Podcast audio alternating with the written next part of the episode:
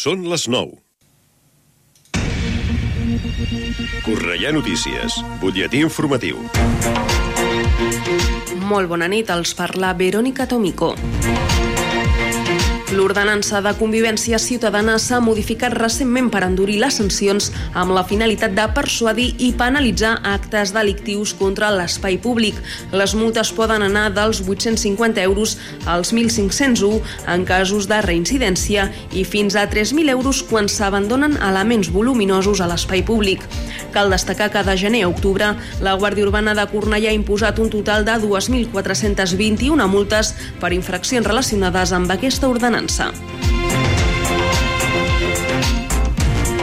Cornellà està immersa en les celebracions nadalenques. La ciutadania pot gaudir fins al dia 5 de gener de múltiples propostes lúdiques i culturals pensades per a tota la família, des de les activitats organitzades per les entitats cornellanenques com les que prepara el propi Ajuntament. És el cas, entre d'altres, de la Fira Infantil de Nadal o del Campament Oriental del Mac Maginet. Amb sede a Cornellà exposa les seves imatges a la ciutat. El projecte digital creat per la cornellanenca Sarai García va néixer fa 4 anys a les xarxes socials per posar en valor el patrimoni artístic, cultural i industrial del nostre municipi. Ara traspassa les xarxes socials per convertir-se en una mostra fotogràfica que es podrà veure fins al dia 29 de desembre a quatre espais de la ciutat. El dia 27 de desembre, per exemple, tindrà lloc una xerrada a la Biblioteca Central a partir de les 6 de la tarda. I les aules d'estudi de Cornellà obren les seves portes per oferir un espai on trobar facilitats per connectar-se a internet o treballar amb més concentració de cara als propers exàmens. Fins al dia 11 de febrer estaran obertes les aules d'estudi del Centre Cultural Joan García Nieto, de la Biblioteca Marta Mata i de la Biblioteca de Sant Ildefons. Fins aquí aquest butlletí informatiu. Poden seguir informats de l'actualitat de la nostra ciutat al Cornellà Notícies de la una del migdia, als butlletins horaris i a l'app i la web de Ràdio Cornellà. També trobaran les darreres actualitzacions i notícies al radiocornellà.cat i a les xarxes socials de la ràdio, Twitter, Facebook i Instagram. Ara el temps. Connectem amb l'Agència Estatal de Meteorologia. Bona nit, demà començarem el dia amb gelades a l'interior del terç nord, amb una mínima d'un grau a Girona. Al Pirineu predominarà el cel ennubulat amb precipitacions que seran més abundants a la Vall d'Aran amb la cota de neu pujant de 1.300 metres a 1.800 o 1.900 i a la resta tindrem intervals ennubulats. El vent serà moderat a fort amb cops molt forts de fins a 80 km per hora de component nord a l'Empordà i a cotes altes del Pirineu i del nord-oest a Tarragona i a la resta serà fluix variable amb predomini de la component oest i les temperatures temperatures pujaran al terç sud i es mantindran sense canvis o baixaran lleugerament. A la resta marcaran 20 graus a Tarragona, 17 a Barcelona, 16 a Girona i 15 a Lleida. És una informació de l'Agència Estatal de Meteorologia. L'informació de Cornellà. Més a prop, impossible.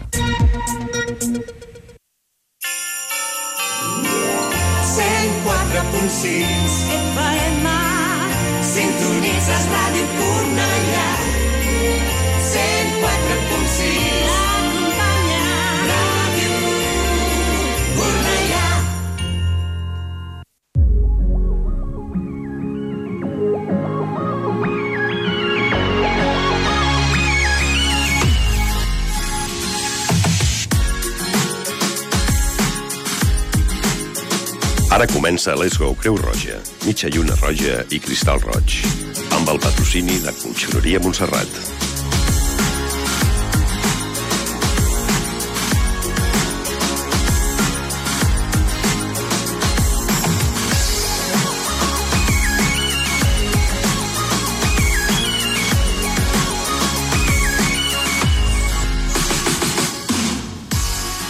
Nou hores 4 minuts de la nit. Estem novament en un programa de Creu Roja. Bona nit. Bona nit. Alba Fernández. Rosa Maria Pastor, bona nit. Hola, bona nit. Emilio Aguilar, bona nit. Bona nit, Joan. Bona nit a tots, bona nit a Kiko Belinchón, que tenim el control com cada dimecres, i avui parlarem a l'hora de Creu Roja de coses habituals de Creu Roja, i no tan habituals perquè també tocarem algunes que van relacionades amb, la, amb les festes nadalenques, que les tenim pràcticament a sobre. Avui parlarem d'una lamentable situació que comença sense feina, eh, continua sense ajudes i al final acaben un sense sostre. Aquesta és la tendència que d'alguna manera hem d'evitar, que són les persones que comencen amb aquesta cadència de sense feina, sense ajudes i sense sostre i acaben sent persones que són sense sostre, sense llar. Eh? O sigui, hi ha una, un grapat. Hi ha moltes formes de definir una situació molt lamentable i no hi ha tantes formes de solucionar-la. Aquest és el problema, és un problema greu. També parlarem de Vigi, que és un, eh, un voluntari de Creu Roja eh, que precisament va venir des de fora, mm, és un migrant, des de, és un ganès, i que finalment es va incorporar, eh, va venir, va estar ajudat per la Creu Roja i aquesta ajuda li va servir després per, per incorporar-se a la Creu Roja i per ajudar a ell a la resta de gent que necessiten l'ajuda una mica semblant a el que ell li va, li va, va necessitar en el seu dia. La consciència social és un tema que ens introduirà la nostra companya Mayalén Prieto i que ens dirà i ens donarà consells, com sempre, molt importants i molt transcendents a l'hora de, de tenir relacions socials i a l'hora de saber què fer en determinades situacions. Olga Giorgi ens sorprendrà amb les seves endivinalles.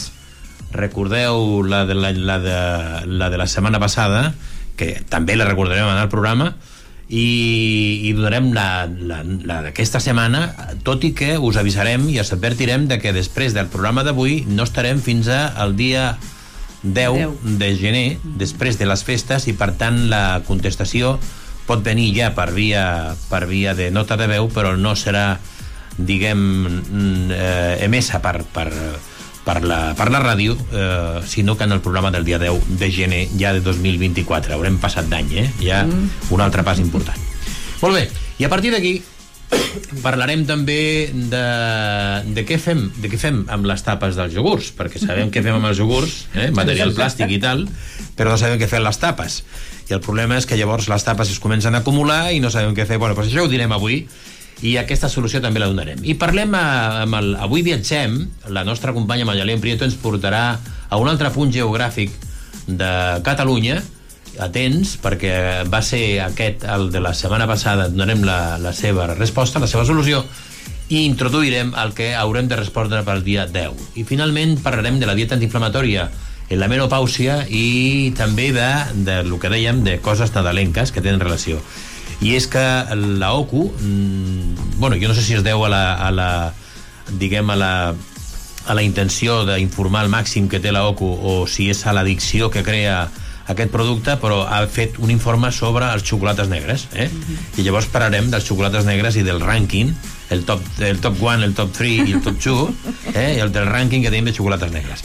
I aquí pràcticament acaben els titulars del nostre programa d'avui. Aquí comença, comença d'alguna manera el detall, o acaba, millor dir, el detall del, dels titulars, però també comencen els nostres consells, que sempre són importants, sobretot quan tractem de primers auxilis. No t'imagines com de valuós pot ser un gest a la teva empresa. Un somriure que motiva, un senyal d'aprovació que orienta, una compressió al pit que ajuda a recuperar una parada cardiorrespiratòria. Ensenya al teu equip els gestos més valuosos. Informa't i contracta els cursos de primers auxilis per a empreses a Cruz Roja Punès o al 902 22 22 92. Aprèn a salvar vides. La tendencia, lo decíamos al hablar de los titulares del programa de hoy, es eh, sin trabajo, sin ayudas y finalmente sin techo. Todo el mundo puede acabar en una situación de lo que se llama, de muchas de las maneras, el sinogarismo, o que es lo mismo que personas sin hogar o personas sin techo. Es la conclusión que se desprende de la información obtenida de programas y proyectos de Cruz Roja, alertan desde la organización humanitaria que existe un indudable estigma alrededor de las personas sin hogar. La sociedad les mira con una cierta aversión, temor y desprecio a la vez, cuando la dura, la cruenta realidad es que a cualquiera puede verse, a cualquiera le puede pasar, y cualquiera puede verse en la calle, sin trabajo, sin techo y sin hogar. Los datos hablan más fuerte y dicen más que muchas palabras. Un estudio exhaustivo sobre la discriminación y la vulnerabilidad social de las personas en exclusión residencial realizado por Cruz Roja evidencia que el 66% de las personas sin hogar atendidas por la organización estaban en una situación normalizada en cuanto a vivienda y empleo antes de encontrarse en la calle. De este grupo, un 25,5% desempeñaban trabajos en la economía sumergida, otro 33,4% lo hacía con contratos a tiempo completo y un 7,2% con contratos a tiempo parcial. No tener garantía de acceso a servicios básicos como ducha, inodoro, comida caliente o internet. O algo tan sencillo como no poder guardar documentación y pertenencias en un lugar seguro siempre que lo necesiten también repercute en todos los ámbitos de la vida. Hace más difícil mantener unos hábitos saludables, una alimentación adecuada o contactos socioafectivos con otras personas. También perjudica, sin ir más lejos, la realización de trámites administrativos o la búsqueda de un empleo. Entre las personas sin hogar que habían tenido acceso al mercado laboral, las condiciones de informalidad, precariedad, temporalidad y bajos salarios en el empleo no les permitieron sostener una vinculación social y redes que evitasen ser un sin techo. A medida que pasa el tiempo, la situación no mejora. Las dificultades y la disminución de las expectativas se convierten en un círculo vicioso del que es muy complicado escapar. Tanto es así que el informe expone que una de cada cuatro personas sin hogar que llevan en situación de sin hogarismo cuatro años o más no han intentado encontrar empleo. La razón de ello es que tienen la seguridad de que precisamente por su situación no les van a aceptar. De ahí la importancia de poner en marcha iniciativas como Housing First, que proporciona una vivienda individual y estable a la persona sin hogar, al tiempo que ésta recibe acompañamiento individualizado en su proceso de reinserción. En su afán de arrojar luz sobre las realidades y desafíos que enfrentan aquellas personas que carecen de hogar, el estudio La discriminación y la vulnerabilidad social de las personas en exclusión residencial atendidas por Cruz Roja también acoge una serie de conclusiones que desafían estereotipos y resaltan la complejidad que atraviesan las personas sin hogar, y lo hace rompiendo mitos. Por ejemplo, el consumo del alcohol de las personas sin hogar es inferior al de la población general y se sitúa en un 34,3% entre las personas de situación de calle frente al 35,1% de la población general. También se rebaja el estereotipo de que las personas extranjeras son las que más viven en la calle. En contra de lo que se puede pensar, el 53% de las personas sin hogar atendidas por la organización han nacido en España, aunque el porcentaje de las personas extranjeras está en aumento. A estas alturas, no es una sorpresa que las mujeres en muchas ocasiones se conviertan en un colectivo especialmente vulnerable y aceptado por partida doble por las desigualdades. Así, en el caso del sinogarismo, el estudio de Cruz Roja estima que han aumentado los casos de mujeres que se han visto sin techo. Y es que, aunque el sinogarismo sigue siendo mayoritariamente masculino, el 82%, la cifra de mujeres en situación de calle ya alcanza el 18%.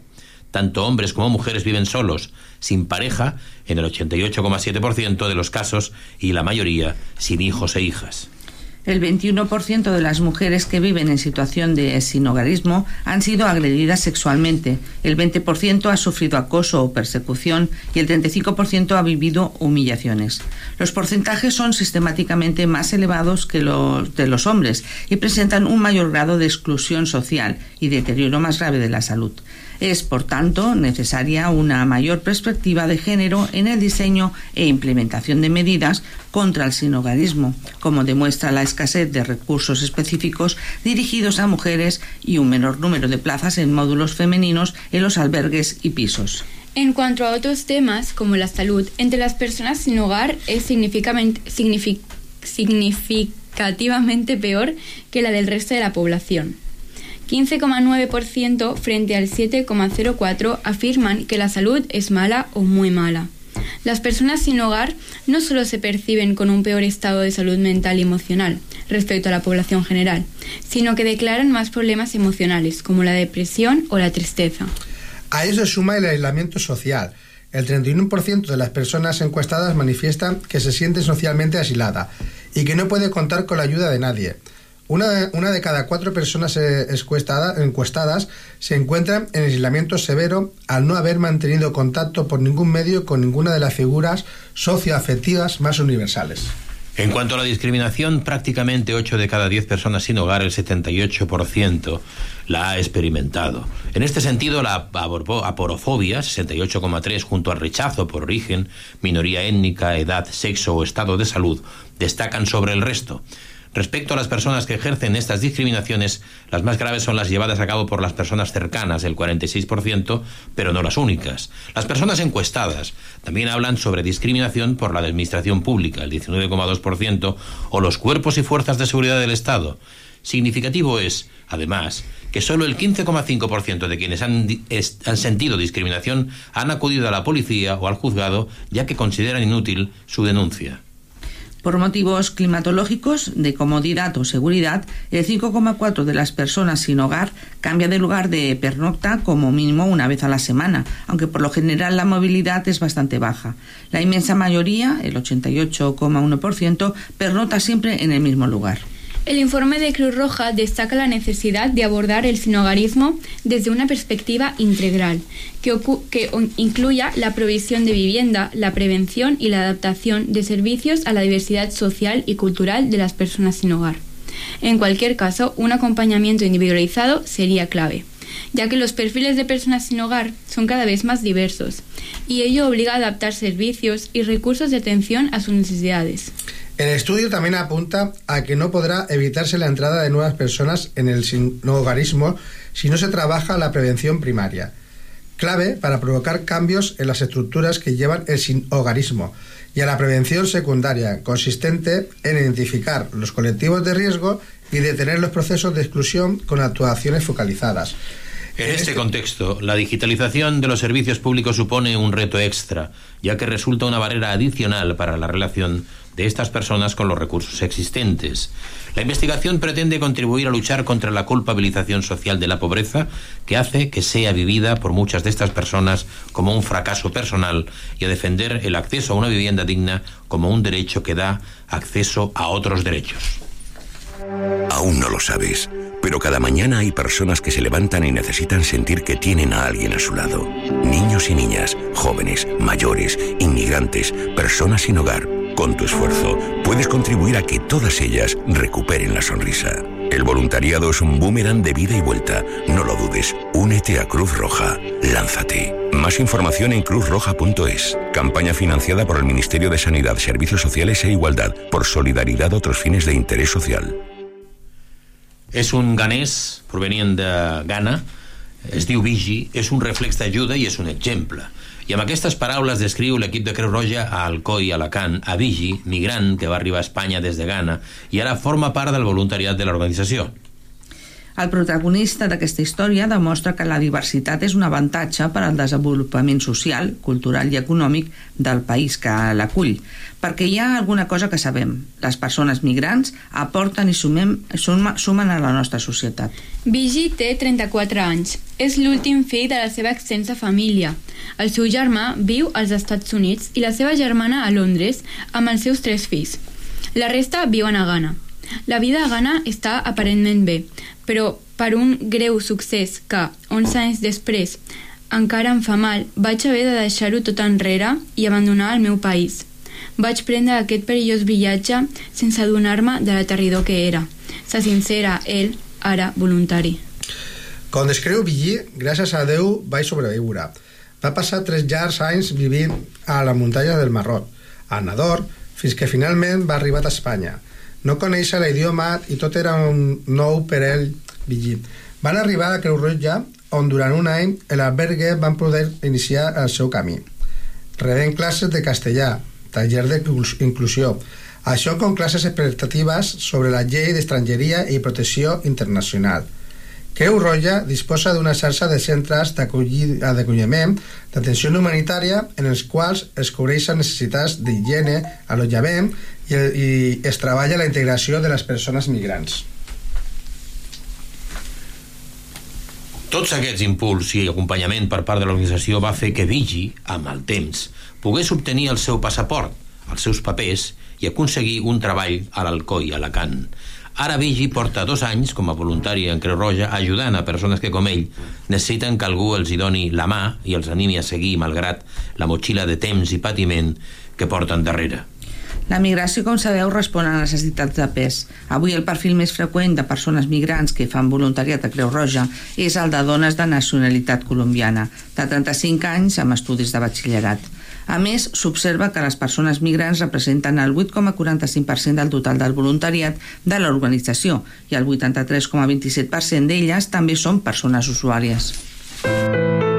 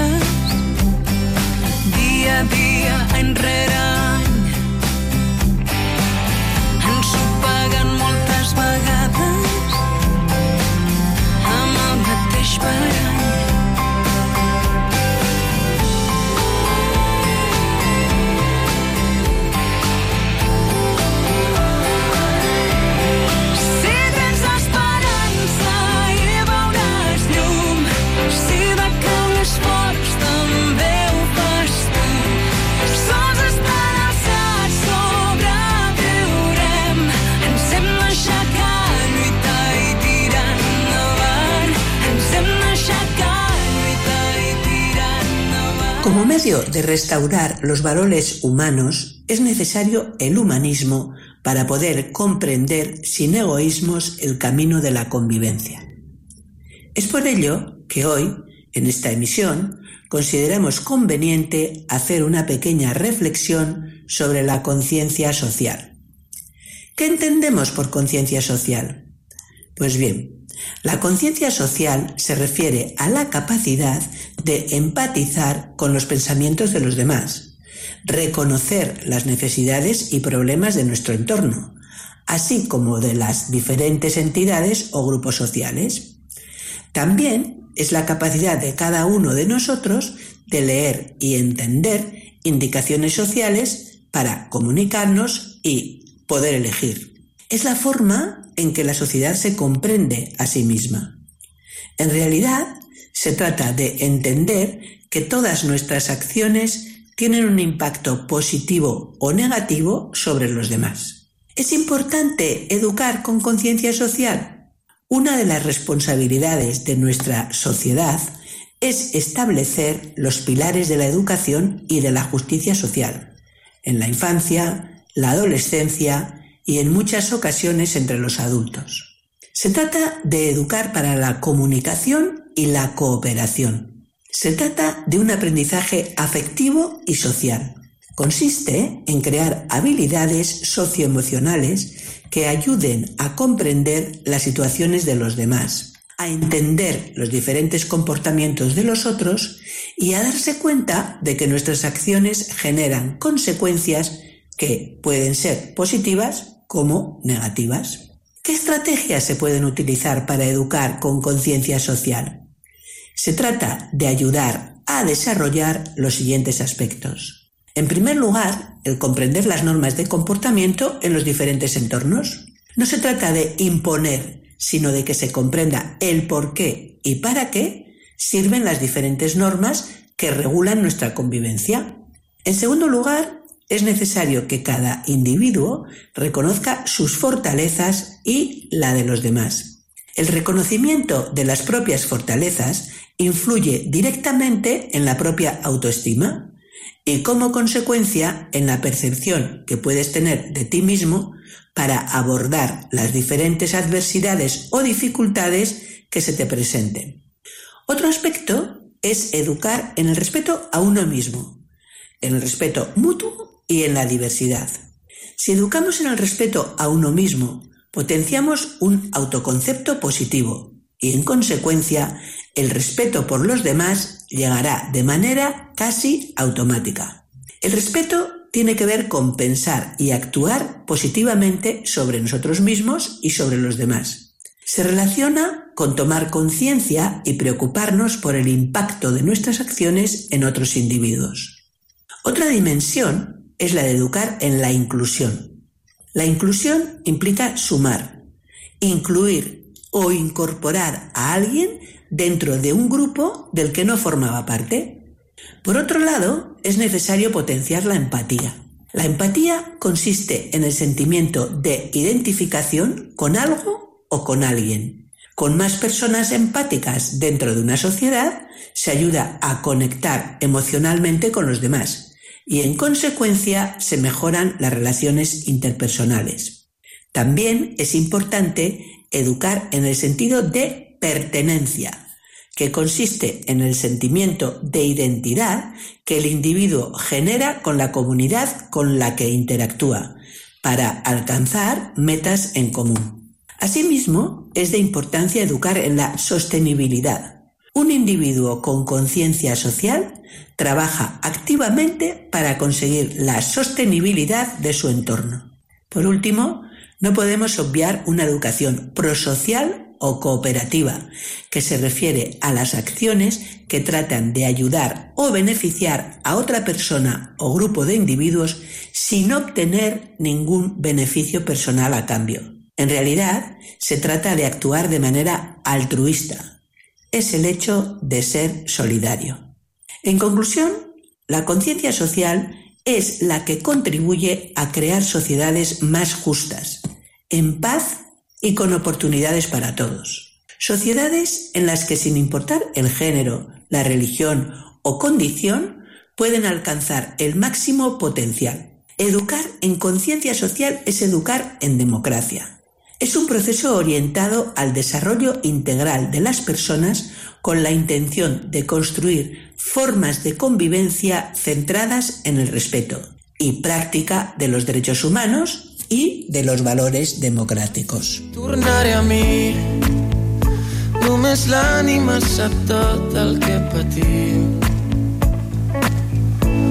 que un que no M'he buscat per recordar-me que era abans. He d'acceptar que les coses van canviant. I encara em queden moments per ser feliç.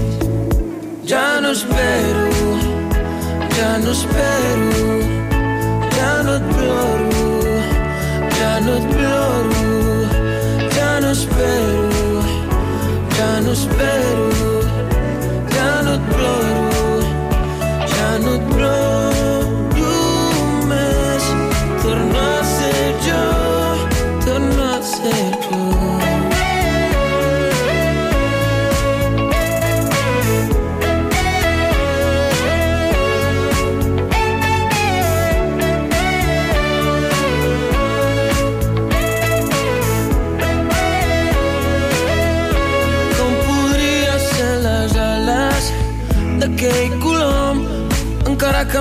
despisqueix no puc ser el que no sóc tampoc puc ser la calor d'aquell vell mes d'agost. No havíem sortit del niu no coneixem les pors que sóc la vida pobra l'eterna joventut. I em sap molt greu però avui ja no ho puc fer millor. Només puc ser com sóc i anar aprenent de tot i anar aprenent de tot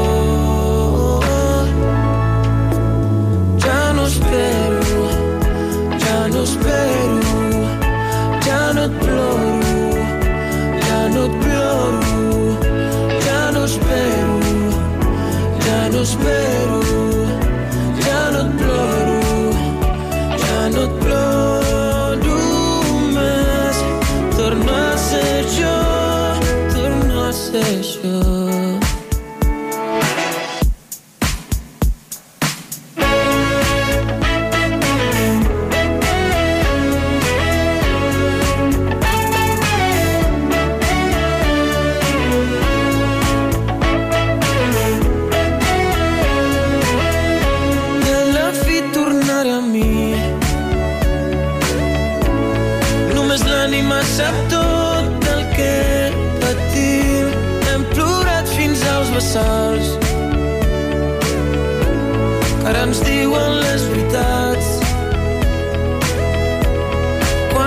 Tanquis ulls en el teu respir respirar sincer. No podràs ser qui no ets, no podràs ser qui no ets. I quan tanquis els ulls, en el teu respirar sincer, no podràs ser qui no ets, no podràs ser qui no ets. I quan tanquis els ulls, en el teu respirar sincer, no podràs ser qui no ets,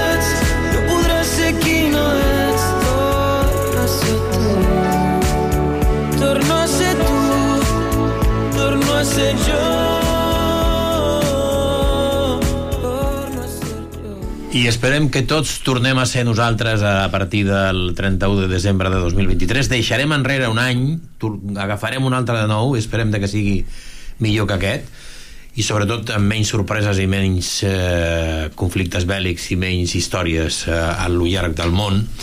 I, I ara nosaltres anem amb la nostra secció lúdica, perquè la nostra companya Olga Giorgi la setmana passada ens feia eh, ens posava a prova una endivinalla per veure si resolíem la solució i aquesta era l'endivinalla Se viste el cielo de luces en cascada de colores para alegrar en la noche a los que están tristones. Se viste el cielo de luces en cascadas de colores para alegrar en la noche a los que están tristones ¿qué puede ser eso? Los fuegos artificiales. Fuegos artificiales, claro que sí. Y Olga Giorgi nos ha preparado uno que es bastante fácil este, ¿eh? Este yo creo que es bastante fácil. Atentos, porque lo volveremos a repetir, pero como siempre, no hay quien mejor lo diga que ella, y por lo tanto prestar atención a ella, y luego al teléfono que os diremos que será al cual nos tendréis que enviar la nota de voz con la solución que daremos el próximo día 10 de enero, porque ahora, como todo el mundo, o como la gran mayoría de la, de la gente, todo el mundo no, pero la gran mayoría de las personas, estaremos unos días en los cuales cada uno estará entregado a sus deberes familiares y esas cosas que se acostumbran a ocurrir en estas fechas. Así que atentos, atentos a la adivinanza para acertar en, la, en el próximo programa. Buenas noches, queridos escuchantes. Aquí va la adivinanza de esta semana. Me llegan las cartas y no sé leer. Y aunque me las trago, no mancho el papel. Me llegan las cartas y no sé leer, y aunque me las trago, no mancho el papel. ¿Qué puede ser la Es solución? facilita, Es facilita, es facilita. La solución tiene que ser, os la tenéis que dar mediante una nota de voz o un audio a, a través del WhatsApp al 678 43 34 86. 678 43 34 86. Ese elemento extraño, extraterrestre al cual le llegan las cartas, no sabe leer, se las traga y no las mancha y nada, nada, nada, nada, nada. ¿Qué Y, además, hablando de cartas, atentos, ¿habéis escrito ya la carta a los Reyes Magos? Uy, a mí se me ha olvidado. También, yo también. Yo creo que este año no me van a traer nada. ¿eh? Carbón. Pero vamos a ver, es que, es que ya dar por sentado que no te van a traer nada si no has escrito la carta y dices yo no lo he hecho, entonces ¿qué, qué, qué Eh, es lo que verdad, pretendes? también es ¿Qué verdad. es lo que también es- pretendes? y estamos proyectando en negativo, es verdad. Estamos en eso no puede ser, eso es no imposible. sí. En cuanto salga de aquí. Es lo mismo que pensar que no me toca la lotería y, y hay la pregunta típica del vecino o del interlocutor que te dice, bueno, pero tú compras y dices no. Pues entonces, entonces, ¿qué esperas? ¿no? Esta es la misma solución. 21 horas 33 minutos. Seguimos en la hora de Cruz Roja, seguimos adelante y, y vamos a ver qué, qué es lo que hacemos con las tapas del yogur. Porque además hay una cosa que me, me ha sorprendido mucho. Y es que, efectivamente, yo no sabía nunca lo que hacer con las tapas de yogur. Ahora lo, voy a tener claro después de, después de la noticia que tienen aquí mis compañeros preparada y que te van a decir en breve. Pero sí que es cierto que me ha sorprendido mucho que algún lúcido o lúcida eh, sacó como moda el hecho de que los tapones que ya con una cierta historia servían un poco de intercambio social entre la gente que los coleccionaba y la gente que entregaba para obtener no sé qué premio, etcétera, etcétera, pues ha decidido el lúcido o lúcida eh, que los tapones no se puedan desprender de la botella y que tengan que ir acompañando a la botella. Entonces automáticamente yo ya me he quedado perplejo y he dicho, bueno, pues si, si eso han hecho con los tapones, vamos a ver ¿Qué hacemos con hacen con las tapas del yogur. Bueno, yo, yo la chupo. Yo directamente a tapar el Directamente. Sí, luego ya. Eso ya- primero. Pero, pero por aquello de borrarle la caducidad, ¿o qué? eso, por eso mismo, por eso mismo. Bueno, es un, es un buen método de quitarle la caducidad a la tapa del yogur. Dicen que, o, decimos, que- qué hacemos con las tapas de los yogures. El camino hacia una vida más sostenible, cada pequeño gesto cuenta, efectivamente, pero un claro ejemplo son las tapas de los yogures, objetos minúsculos que a simple vista pueden parecer insignificantes, pero que en realidad tienen un peso considerable en la escala del reciclaje y sobre todo si todavía tienen una parte del yogur impregnado. Claro. La chapa de una botella, el tapón de plástico, un bastoncillo, los envoltorios de los caramelos o una tapa de yogur. Los residuos más pequeños son los que menos atención reciben y a menudo podemos olvidar de- olvidarnos de, de reciclarlos. Sin embargo, son materiales reutilizables que deben ser reciclados de manera correcta, igual que cualquier otro residuo. En la actualidad, con el crecimiento exponencial de la producción y el consumo, se estima que millones de tapas de yogur se desechan diariamente. No darles la gestión adecuada no solo priva al planeta de materiales reutilizables, sino que también contribuye al problema de la generación descontrolada de residuos. Abrimos una lata, quitamos la chapa de una botella o quitamos la tapa de un yogur y antes de empezar a consumir lo que hay en su interior, ya hemos tirado las tapas o chapas en cualquier contenedor, sin mirar cuál es. Esto es un error, ya que al igual que los envases, los elementos, las tapas deberán depositarse en el contenedor, sobre todo es muy importante el contenedor amarillo. Y recuerda que si el yogur viene en un envase de vidrio, el tratamiento no es el mismo. Y el destino tampoco. Porque deberás reciclar por un lado la tapa y por otro el envase de vidrio que va al contenedor verde. A pesar de su tamaño, las tapas de los yogures constituyen una fuente de material reciclable valioso. Están fabricadas eh, en su mayoría de aluminio o plástico, materiales que, una vez reintroducidos en el ciclo de producción, pueden dar vida a nuevos productos ahorrando recursos y energía. Reciclar las tapas de yogures es un proceso sencillo pero crucial. La recomendación general es mantener las tapas unidas a los envases antes de depositarlas en el contenedor amarillo, destinado a envases ligeros. En la planta de reciclaje, las tapas se separan de los envases, se clasifican según el material y se procesan para obtener material reciclado que será utilizado en la fabricación de nuevos productos. Si los prefieres, también puedes juntar todas las tapas en una bolsa y así facilitar su recogida. Una acción sostenible es adquirir los yogures en un formato más grande y así no genera múltiples envases para un mismo producto. Como ves, la sostenibilidad empieza en el propio proceso de la compra. La comunidad juega un papel, crucial en el proceso de reciclaje. Una correcta separación de residuos en origen facilita la labor de las plantas de reciclaje y contribuye a una gestión más eficiente de los recursos. Además, la educación y la conciencia sobre la importancia del reciclaje son esenciales para fomentar estas prácticas. También se pueden hacer manualidades con los envases de yogur. Estos pequeños recipientes ofrecen muchas posibilidades. Con la creciente ola del DIE o y upcycling, puedes encontrar numerosas ideas en línea para transformar estos envases en algo útil o decorativo. Deja volar tu imaginación. Puedes convertir tus envases en geniales macetas para plantas, en unos originales portalápices o simplemente utilizarlos para guardar objetos pequeños, como todos esos tornillos que siempre están desordenados. Incluso ahora que se aproxima la Navidad puedes aprovechar y crear unos originales adornos navideños reciclados. El acto de reciclar las tapas de los yogures simboliza una parte de un compromiso más amplio con la sostenibilidad. A través de gestos cotidianos como este, cada individuo contribuye a un futuro más verde, promoviendo una cultura de responsabilidad y conciencia ambiental. Al abrir un yogur y disfrutar de su contenido, es importante recordar que el ciclo de vida del envase no termina allí. Tenemos en nuestras manos la oportunidad de dar un paso adelante hacia un mundo más sostenible, reciclando cada tapa, cada envase y cada pequeño objeto que, en conjunto, hacen una gran diferencia. Para resolver cualquier duda sobre reciclaje, consulta con Aire, el primer chatbot inteligente que te ayuda a gestionar la basura de manera correcta. Estás a tiempo de unirte al reto de la sostenibilidad. Cada pequeña acción suma en favor de nuestro planeta. Conocí el plan de empleo de Cruz Roja eh, gracias a un amigo porque yo pensaba que la Cruz Roja solo ayudaba a la gente con menos dinero o las ambulancias. Me ayudaron a buscar un trabajo eh, y me dieron un abanico de, de trabajos. El que más me gustó fue caja y reposición y gracias a ello me abrieron un mercado de- laboral.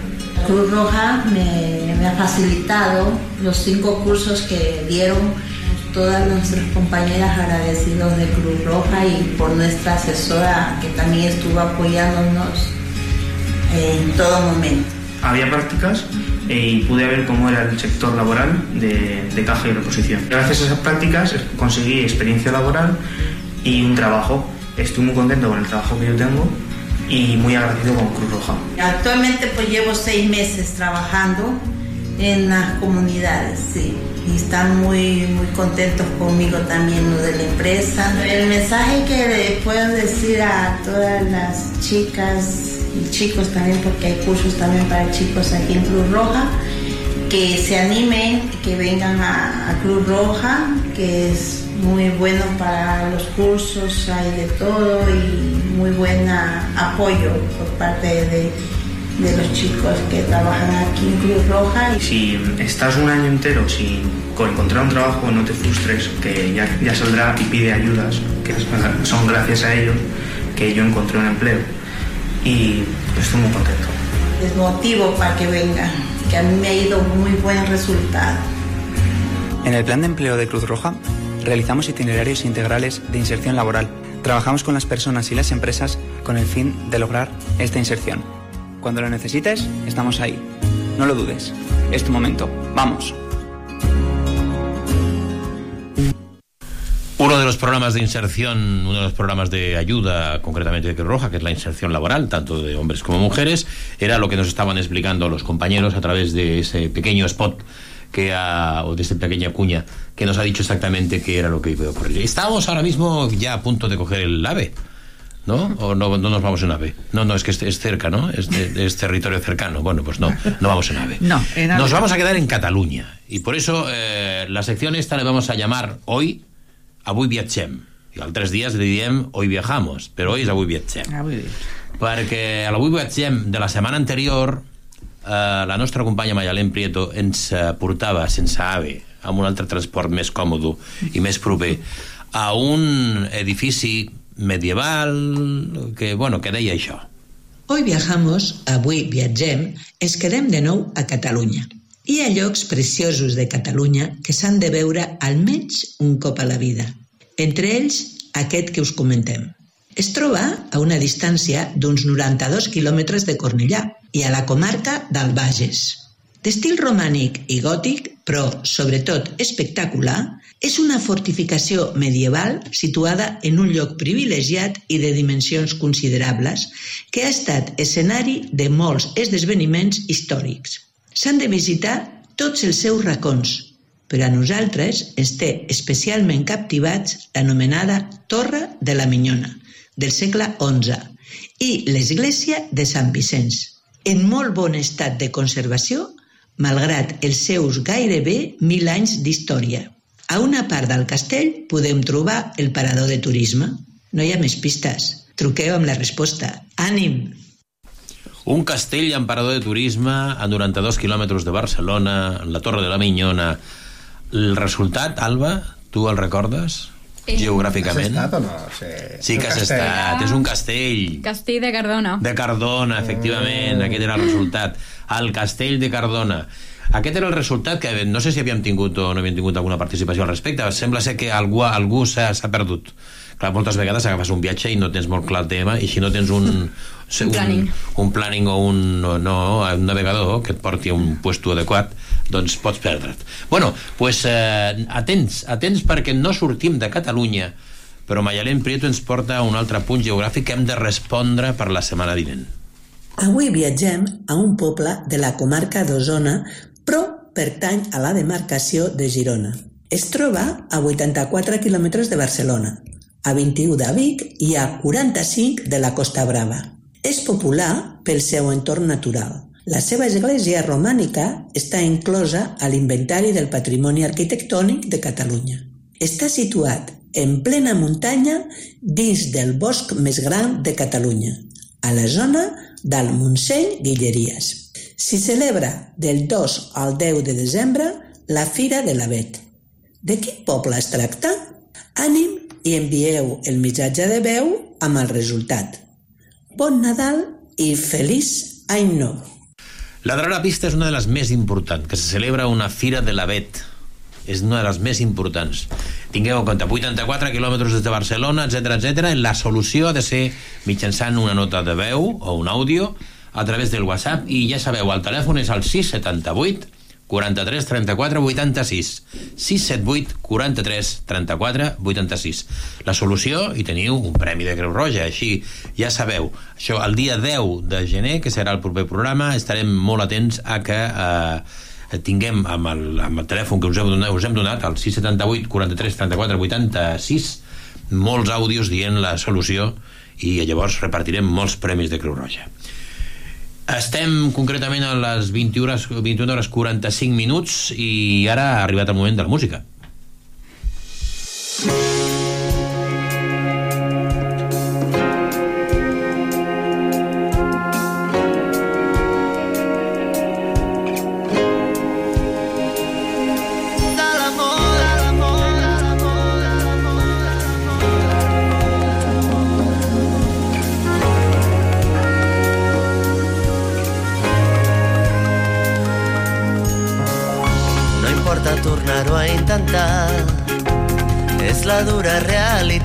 però no podrà amb mi. I m'obriré camí. Se'm farà difícil d'entendre que amb el temps ja no ens voldrem veure. Ens hem estat acompanyant però cada cop som més distants. Oh, creus en la vida després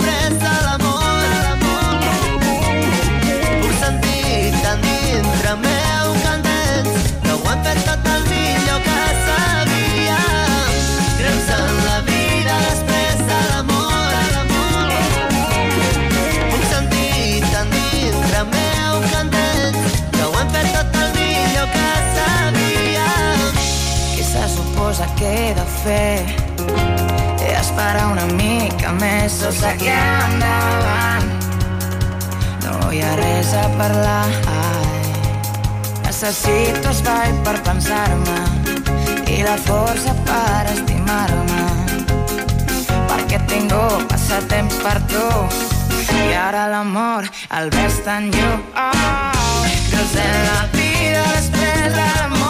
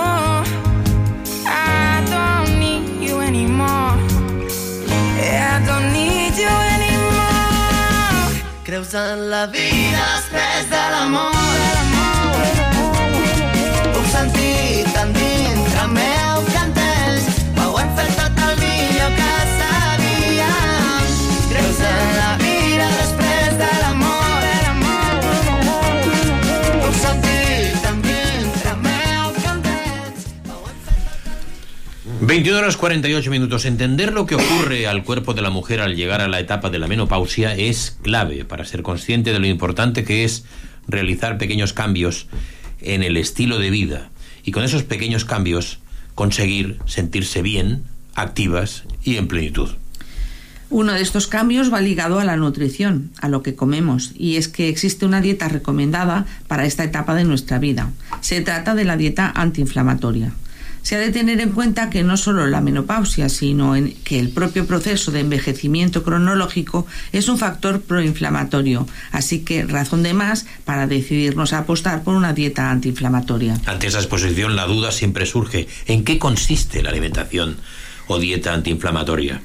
Las bases de la alimentación antiinflamatoria consisten en eliminar de tu menú todos aquellos alimentos que, por algún motivo, podrían hincharte.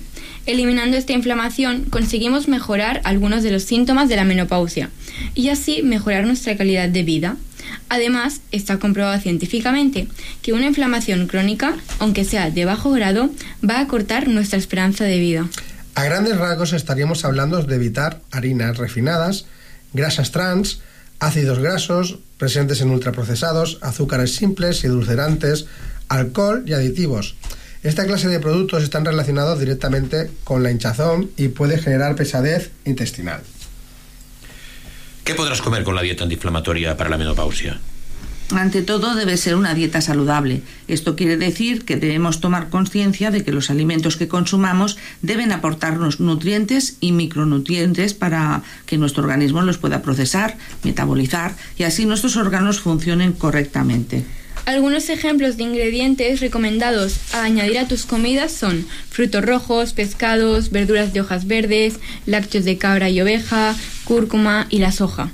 Esos alimentos deberían reemplazar a otros que actualmente estés tomando, que no aporten nutrientes y que promueven un proceso de inflamación. Una dieta antiinflamatoria para la menopausia debe contar con ingesta suficiente de calcio y mantener unos niveles de vitamina D óptimos para cuidar de nuestro sistema inmune, que se puede ver mermado por la disminución de nuestros niveles hormonales. Se recomienda potenciar el consumo de alimentos de origen vegetal, alimentos ricos en fibra, además de asegurar una ingesta calórica suficiente. De esta manera, además de mantener un peso saludable, creamos una barrera de protección ante las enfermedades. La alimentación es un paso importante, pero no es lo único, y nada se sirve si lo acompañas con un estilo de vida saludable. Iniciar un plan de ejercicio regular que complemente la alimentación podría acelerar el proceso hormonal que significa la menopausia, dando un golpe sobre la mesa con lo que a tu cuerpo se refiere e incluso abriéndote las puertas a un estilo de vida enfocado en la salud. El ejercicio físico no solo te hará sentir mejor, sino que ayudará a que mantengas el ímpetu físico que te ha caracterizado hasta el momento. De igual forma, dando inicio a sesiones de entrenamiento que ronden los 30 minutos diarios, entras ante la posibilidad de mantener tu peso y no aumentar el porcentaje de grasas. Un síntoma muy común del proceso de menopausia por el cual pasan muchas mujeres debido a que no cuidan su cuerpo de la forma correcta. En esta etapa es muy recomendable realizar ejercicio de fuerza. Se ha mostrado como un método muy efectivo para atenuar la pérdida de masa y fuerza muscular asociada a esta etapa. Suplementación en una dieta antiinflamatoria para la menopausia. Como en toda dieta, en el caso de la dieta antiinflamatoria, en la menopausia, es recomendable asociar el consumo de suplementos alimenticios, siempre que lo consideremos de ayuda. Normalmente, en este caso, van asociados a que durante el proceso de la menopausia tu cuerpo está pasando por una disminución de los niveles hormonales, que causan síntomas tan dispares que pueden afectar a la piel, pérdida de elasticidad o flacidez en la piel, aumento de peso, emocionales, ansiedad, falta de energía o sexuales, falta de líbido o la sequedad de mucosas. ¿Alimentación antiinflamatoria es igual a alimentación natural y saludable? Así es de manera que estos son los puntos que deberíamos intentar cumplir para asegurarnos de seguir con una dieta antiinflamatoria. Alimentarnos con productos de temporada, es decir, de alimentos que la tierra nos da en cada estación, a pesar de que de tener disponibilidad de toda clase durante todo el año. Consumir una dieta rica mayoritariamente en alimentos vegetales, verduras, tubérculos, legumbres, frutas, cereales, frutos secos, semillas, setas, algas. Priorizar comer proteínas de origen vegetal en vez de animal. Si comemos proteína animal que provenga de la ganadería ecológica y lo más sostenible posible. Criada al aire libre, el, eh, el pescado del mejor simple salvaje y los, y los huevos de gallina libres. Los cereales deben ser integrales, sin refinar, si son sin gluten, mucho mejor. Evitar azúcares, alimentos refinados y procesados. Adaptarte a hábitos de vida saludable.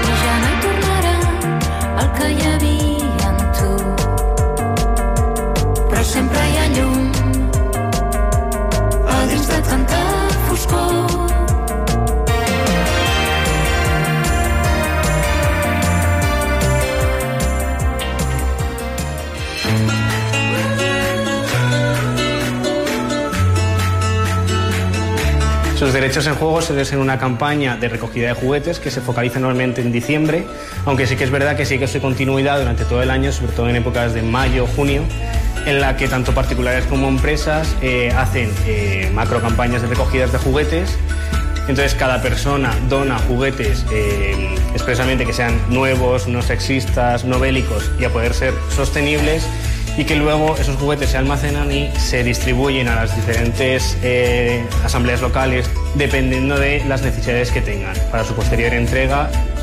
En la Comunidad de Madrid, en la campaña de sus derechos en juego, desde hace más o menos dos años, eh, se intenta conseguir que ya no tanto se entreguen juguetes físicos, sino que se entreguen eh, tarjetas de dinero, en la cual se entrega una tarjeta por participante, por niño por niña. Entonces es la misma familia la que elige el juguete correspondiente para entregarle. Gracias. Es más beneficioso puesto que le damos al niño lo que realmente quiere. No es tanto eh, nos han donado X o solo tenemos X, eh, no se le puede entregar más. Va más a las necesidades que vea la familia que tiene o los gustos que se puedan diferenciar. Los voluntarios y voluntarias llegaremos al establecimiento y a- una vez hablado ya con la tienda, eh, nos dejarán espacio para poder atender a las familias.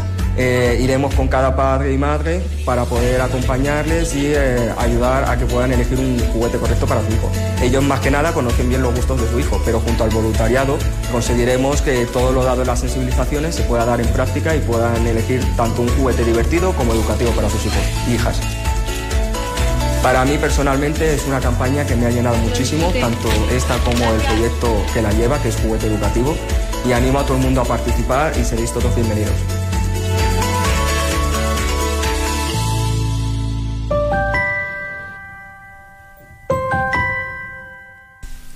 Decíamos al com- comienzo del programa en los titulares que estamos en fiestas navideñas, que en estas fiestas, bueno, además de, de los juguetes, hemos estado hablando de los juguetes, la campaña de juguetes, que la, también la tenemos en marcha aquí en Cornellá, ¿eh? Sí, sí. Y además eh, parece ser que tenemos también pendiente de que los payasos de Cruz Roja de Cornellá estarán el día 22 en la Peña del Dominó En Peña Dormino, recogiendo juguetes. Y el día 27 estarán en la En Bacus. Abacus, en la plaza de San Ildefonso, estaremos en el Abacus, sí, correcto. Y hay un gran número de puntos de recogida de juguetes y además hay un gran número de colaboradores, creo que 20, 20 24 colaboradores, empresas eh, dedicadas concretamente en estas fechas a participar y a colaborar con la recogida de juguetes.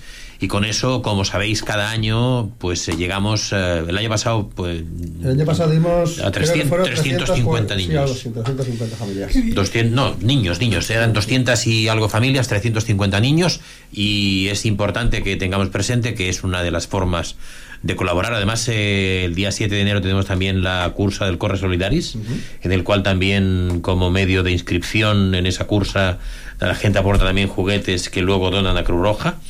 Y además eh, tenemos este año que Cruz Roja, el corte inglés, también eh, el otro día escuché en los micrófonos, los altavoces de- del corte inglés, que comprando un juguete del corte inglés eh, eh, regalaban otro, otra aportación a, a Cruz Roja Juventud de otro juguete similar. Eh, lo que quiere decir que existe un gran número de gente que están comprometidos con el que sea un éxito la recogida de juguetes y nosotros también a través de la radio evidentemente tenemos que decir que hay que seguir. Bueno, pues eso, hablábamos de fiestas y las fiestas siempre en las fiestas siempre hay que hablar de, de cosas que no sé si nos va a dar tiempo, pero como, como además es importante que lo hagamos porque había una, in- una especial intención en que hablásemos hoy del, del chocolate negro y de lo que dice la OCU respecto de cómo disfrutar en las fiestas, pues nada, que son jornadas de chocolate negro Si lo comemos y de mejor. tabletas. Y si nos sacamos las tabletas y nos que- repartimos. Exactamente. Que lo disfrutemos. y ya. Y felices fiestas. Así que si queréis apuntar algo más sobre ese chocolate negro, tenemos poco tiempo, ¿eh? Estamos, estamos en una Yo creo que no da tiempo, ¿eh? Son las 21 horas 59 minutos, nos quedan apenas segundos. No, no da tiempo de felicitar a la Yo creo que sí, el yo creo que lo mejor es que tengáis una feliz Navidad y un próspero año nuevo, porque nos vemos hasta el día 10 de enero. Gracias a los compañeros que tengo aquí en la radio, Alba Fernández que me acompañan, Rosa María Pastor, Emilio Aguilar. Gracias a Kiko Belinchón que está siempre ahí sufriendo al control. Gracias a ustedes por estar y a vosotros por estar ahí al otro lado de la, de la, de la radio. Y un fuerte abrazo, feliz Navidad y próspero año nuevo de Joan García.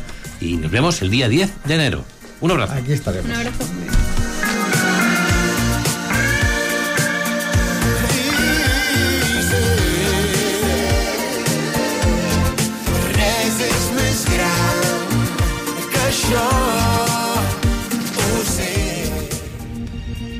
Cornellà Notícies, butlletí informatiu.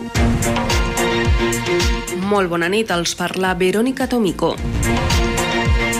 L'ordenança de convivència ciutadana s'ha modificat